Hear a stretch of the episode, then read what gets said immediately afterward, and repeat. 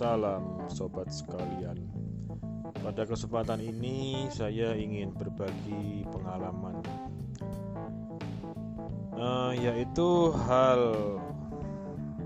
keponakan saya itu tiba-tiba menerima surat penangkapan dan penggeledahan dari kepolisian Kemudian setelah kami temani dalam uh, interogasi oleh penyidik, ternyata sebenarnya dia itu tidak bersalah. Dan tidak ada bukti kuat, tidak ada minimal dua bukti kuat untuk uh, diterbitkannya surat penangkapan tersebut tidak ada bukti kuat. Nah, tapi ketika ditanya uh, apakah setelah diinterogasi boleh pulang, nah, penyidiknya bilang nanti menunggu izin dari kanit. Nah, dengan jawaban seperti itu, saya langsung dan mendatangi keponakan saya tersebut di polsek. Kemudian dengan pengacara saya tentu saja. Pengacara saya langsung masuk ruang penyidikan dan menemani keponakan saya. Dan ternyata memang benar tidak ada dua bukti kuat dan setelah interogasi juga keponakan saya tidak bersalah ya. Akhirnya pengacara kami ya marah-marah pada penyidik. Dan akhirnya pengacara kami mengancam akan melaporkannya ke Propam. Maka polisi-polisi itu ketakutan. Jadi kasus-kasus penerbitan surat penahanan dan atau penggeledahan itu sering terjadi sebenarnya di masyarakat. Uh, sebenarnya ini menyalahi SOP, menyalahi prosedur. Seharusnya diadakan dulu surat panggilan pemeriksaan, begitu tahapannya. Apalagi bila belum ada dua bukti kuat tiba-tiba menerbitkan surat penahanan itu sangat arogan sekali dan sangat fatal, semena-mena terhadap rakyat sipil. Saya dengar-dengar dari para wartawan dan juga dari para pengacara, memang kalau di luar kota-kota besar, di luar ibu kota, itu sering terjadi hal macam ini, kesemena-menaan terhadap rakyat sipil. Oleh karena itu, saya membuat rekaman ini. Semoga bisa bermanfaat. Apabila ada yang tertimpa masalah seperti ini, segera menghubungi Propam, Propam atau Provos yang tingkatannya di atas polisi.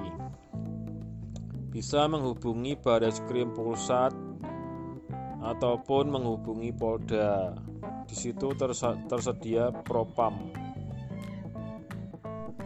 Apabila mempunyai koneksi atau kenalan atau pengacara pribadi atau pengacara keluarga ya sebaiknya segera menelepon dan menghadirkan untuk meminta bantuan dan menolong kita. Apabila tidak punya kenalan yang kuat, tidak punya pengacara, segera menghubungi Polda bagian Propam untuk mengadukan hal ini supaya tidak terjadi penahanan satu kali 24 jam, tidak terjadi kesemena-menaan terhadap rakyat sipil. Dan akhirnya yang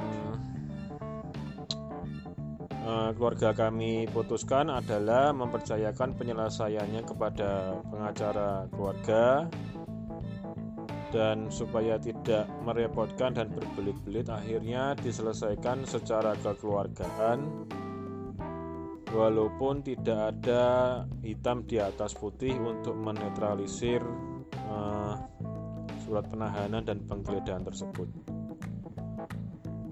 Sebenarnya saya pribadi yang mengetahui kondisi lapangan dan realita kehidupan masih tidak puas karena tidak ada hitam di atas putih yaitu surat harus dinetralisir dengan surat tertulis juga seharusnya begitu. Karena dengan hanya kekeluargaan itu tidak ada kekuatan hukumnya sama sekali bagaimana ya ya saya ini kan pamannya semua itu keputusan di keluarga dari keponakan saya. Apabila mereka sudah merasa cukup dan merasa ya sebenarnya juga mereka belum puas karena tidak ada netralisir hitam di atas putih. Nah, lagi-lagi ya kalau menggunakan pengacara itu harus yang benar-benar di, bisa dipegang omongannya. Pengacara ini tadi bilangnya sebelumnya bilang ke saya kalau surat itu diletarisir dengan surat lagi. Gitu. Tapi realitanya kok malah kami ini berdamai tetapi benar-benar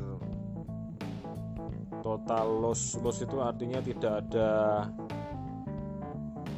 semacam membela diri gitu. Ya disayangkannya begitu. Begini pak. Itu seharusnya saya kira ada hitam di atas putih. Ternyata acaranya cuman maaf memaafkan seakan-akan tidak terjadi apa-apa gitu aja. Ya tanda tangan ber, bermaterai atau pengakuan bersalah aja nggak ada. Enak banget gitu ya. Buset bikin surat penahanan yang akibatnya sangat berbahaya fatal. Hanya gitu doang penyelesaiannya. Tidak ada hitam di atas putih. Waduh luar biasa sekali pak laporkan aja Pak ke Polda Metro kalau begitu. Bawa permasalahan ini ke Propam Polda Metro biar mereka nanti diperiksa. Kendala-kendala apa? Eh, bagaimana awalnya penanganan perkara nanti akan dibuka di Polda Metro, Pak. Halo Pak, jadi begini Pak, jadi keluarga itu takut Pak kalau ngelawan polisi Pak. Mereka tuh merasa nanti akan ada ancaman keamanan, ya mereka kan punya jaringan ke bawah. Jaringannya berapa banyak berapa luas kan kita nggak tahu juga. Walaupun levelnya polsek. Begitu. Jadi warga sipil itu ya selalu takutnya ancaman keamanan melulu pak. Nggak mungkin berani pak. Justru permintaan maaf itu diselesaikan langsung ke Propam Polda Metro saja. Kalau dibiarkan didiamkan dia akan begitu-begitu terus jadi masyarakat itu harus berani. Saya rasa tidak mungkin dia punya link-link apa segala macam itu tidak. Kan propam itu fungsinya juga bukan untuk apa ya istilahnya membantu masyarakat juga pak. Nggak apa-apa pak hubungi propam aja pak. Para orang tua harap mencermati dan waspada terhadap teman-teman pergaulan dari anak-anak dan perlu dinasehati bahwa jangan bepergian atau berkumpul di tempat-tempat yang tidak resmi berkumpul dengan teman-teman yang belum dikenal. Belum kenal dengan baik. Karena banyak jebakan-jebakan. Banyak pula oknum-oknum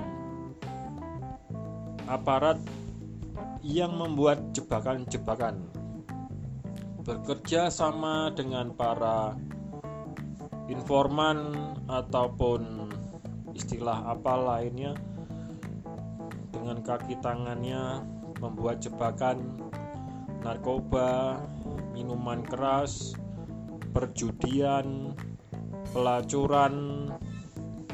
Di anak-anak muda, anak-anak remaja 20 tahun ke bawah itu masih arogan, masih tinggi rasa gengsinya.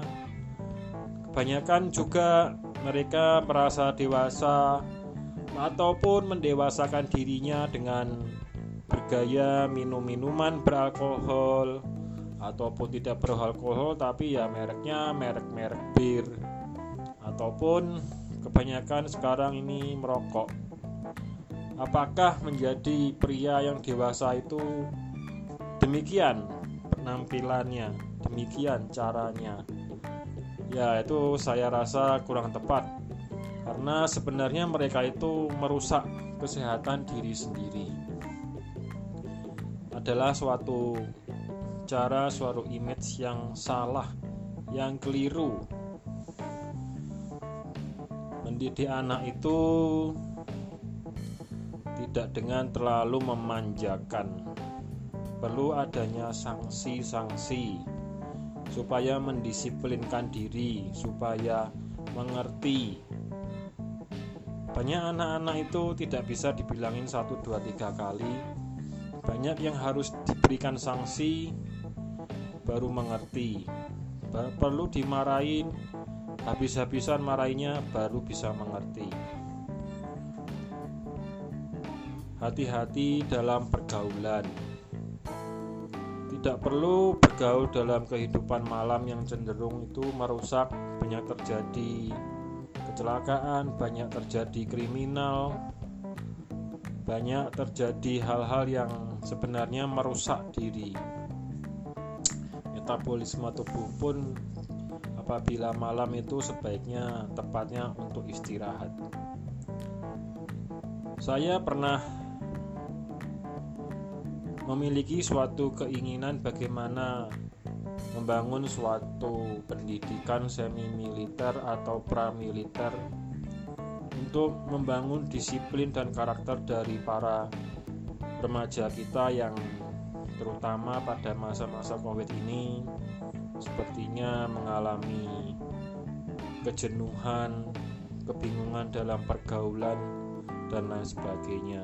Bagaimana mengarahkan mereka pada suatu komunitas yang positif menjauhkan mereka dari hal-hal yang pergaulan yang tidak tepat yang negatif.